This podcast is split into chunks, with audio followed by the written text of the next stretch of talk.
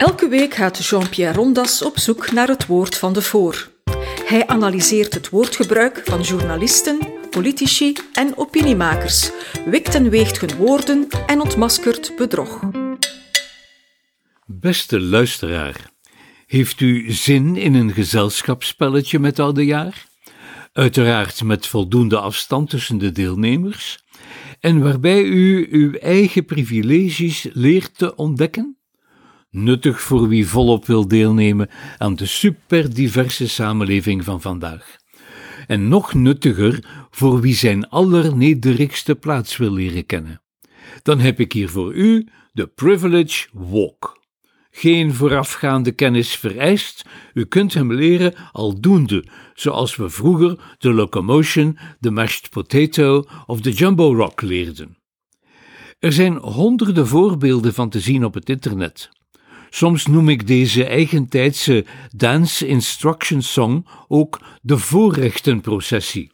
Precies naar de processie van Echternach twee stappen vooruit en één achteruit, met dat verschil dat in een privilegieprocessie de deelnemers elk apart mogen beslissen of ze een stap vooruit dan wel achteruit zetten.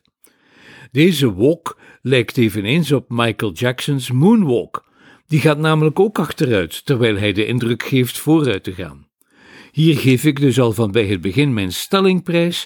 De privilege walk, of het gunstenloopje zo u wil, leidt nergens heen. En nu moet ik dat nog aantonen ook. Wie het verontrustend hoge aantal uitbeeldingen van de Privilege Walk op het internet bekijkt, ziet een sympathieke collectieve oefening van een diverse groep mensen, meestal in een turnzaal bijeen, die in het begin allemaal naast elkaar staan. Als u het thuis straks zelf wil organiseren, denk er dan om dat de deelnemers minstens 7 meter voor zich nodig hebben en 5 meter achter zich. In zijaanzicht vertrekken ze dus allemaal gelijk. Ze kunnen mekaars hand vasthouden. Deze oefening wil echter aantonen dat ze helemaal niet gelijk staan in het leven. De ene mens heeft namelijk voorrechten die de andere niet heeft. Om nu te weten te komen hoe die privileges in deze groep verdeeld zijn, roept de spelleider 20 tot 30 zinnetjes één voor één af. Wie zich met zo'n zinnetje kan vereenzelvigen, zet een stap naar voren. Wie dat niet kan, blijft staan of zet een stap naar achteren. Bijvoorbeeld, en ik vind hier niks uit, maar ik put uit verschillende bronnen: ik heb gezonde tanden. Hopsa, die ene lijn vertoont al enkele knikken. Sommigen hebben namelijk geen tanden. Maar ze hoeven elkaars hand nog niet te lossen. Er zijn ook voorrechtenprocessies waar men moet reageren op de zin: ik heb een bed. Dat heeft natuurlijk weinig zin in regio's waar iedereen een bed heeft, of waar men een dakloze met geen stokken naar zo'n gezelschapsspelletje krijgt. Bij de zin ik kan mondmaskers kopen, wordt de lijn al wat brokkeliger en bij de stelling ik heb een hospitaalverzekering, zijn er al een paar die de handen moeten lossen. Wat zeker ook het geval zal zijn bij ik leid niet aan verslavingsproblemen. Het punt is nu dat een eigen bed of kamer hebben, zich thuis veilig voelen, thuis een douche hebben, dat die beschouwd worden als privileges. Maar ook niet verslaafd zijn blijkt een voorrecht te zijn. Dit doet een mens al wat aarzelen om de volgende danspas te zetten, want wat is hier eigenlijk de bedoeling? Ik geef enkele voorbeelden uit de Nederlandse lijst uit Leiden, die dicht aanleunt bij de Amerikaanse basispublicatie van de huidige Privilege Walk, namelijk White Privilege Unpacking the Invisible Knapsack van Peggy McIntosh.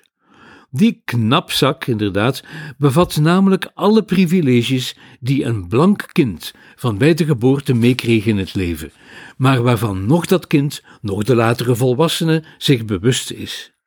De knapzak zit barstens vol onzichtbare bevoordelingen, onzichtbaar voor wie ze heeft. Wie ze niet heeft, ziet ze natuurlijk wel bij de geprivilegeerden. Er schuilt een giftige dosis hypocrisie in deze niet zo open oefening.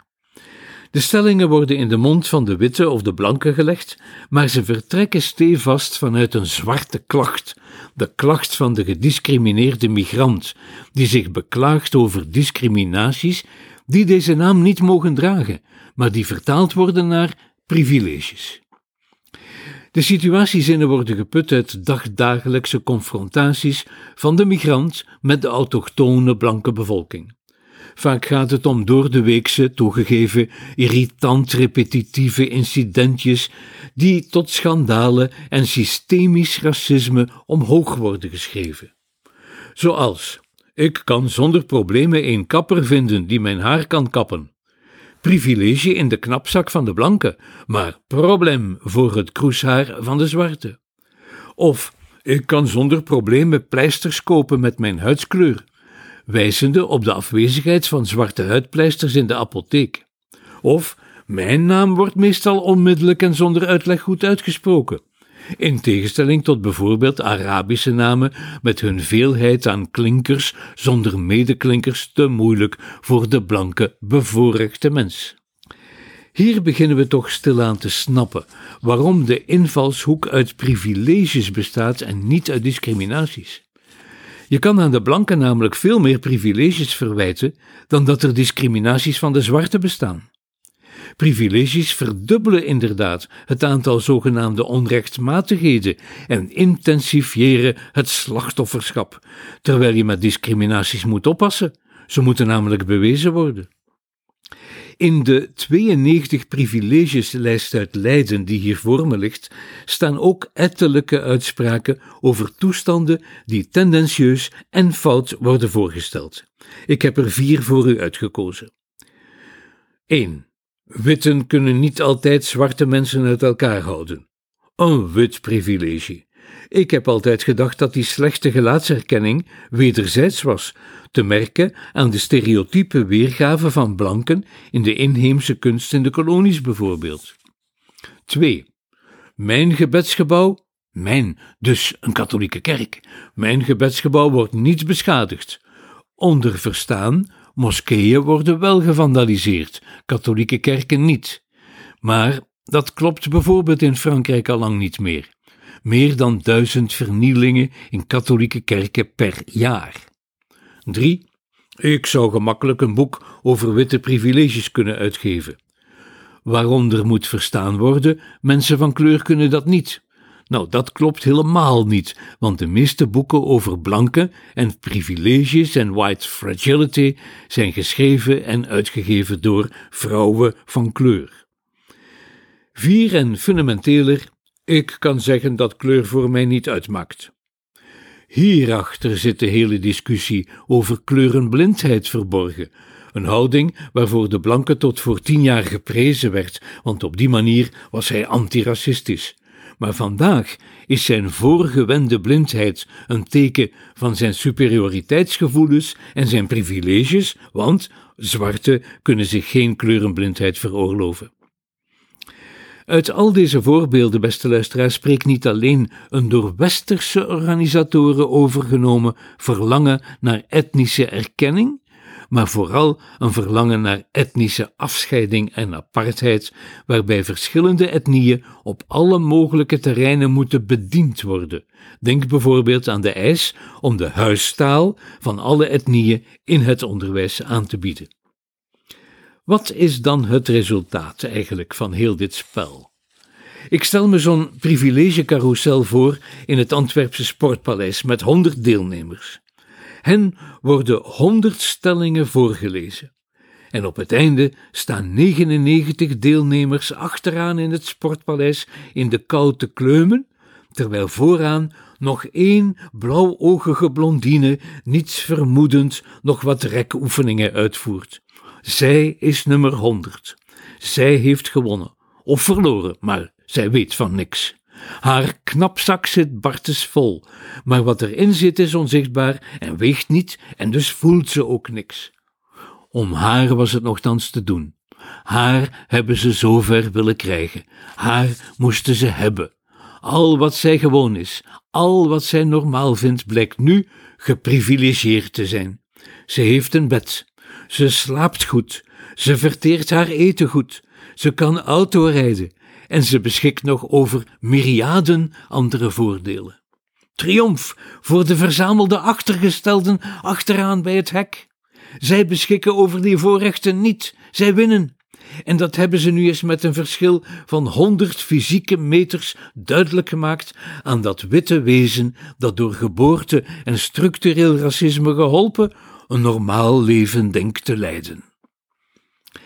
Dat is dus wel degelijk de bedoeling. De alreeds schuldbewuste blanken, die zich uit goedjonstigheid tot dit spelletje lieten verleiden, is lekker te vernederen. Wat nu? Wat dan? Zoals ik al aankondigde, dit spel leidt tot niks. Hooguit tot polarisering van blanken die zich gemanipuleerd weten en tot zelfbeklag bij wie achteraan staat te kleumen. Toch wordt dit als vorming, kennis en trajectbegeleiding door tientallen organisaties aangeboden aan onze scholen. Met rollenspel, want tenslotte zijn onze scholen nog te wit. Meegenomen is dan dat de leerlingen zich moeten inleven in de migrant die tegen al die witte privileges aankijkt en aanhikt. Van de kleuterschool tot de universiteit zal het ons ingepeperd worden, en dit is nu bezig.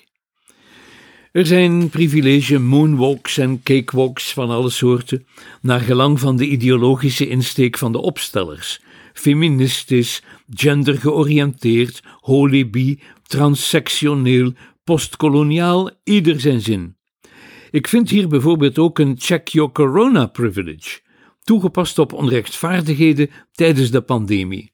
Maar één ding blijft altijd en overal, namelijk de uiteindelijke doelstelling, zoals zelfs de coronaprivilegelijst het formuleert, en ik citeer: De ware focus moet liggen op bewustwording van de structurele vormen van witheid, het patriarchaat en een beleid dat ongelijkheid en discriminatie in stand houdt, want op die manier kunnen we deze structuren ontmantelen. Einde citaat.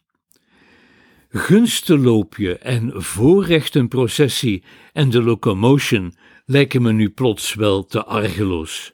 De privilege walk is intellectueel eerder Gangnam Style. Dit was een episode van Doorbraak Radio, de podcast van doorbraak.be. Volg onze podcast op doorbraak.be/radio of via Apple Podcasts, Overcast of Spotify. Bezoek ook onze website op doorbraak.be en steun ons door een vriend te worden van Doorbraak.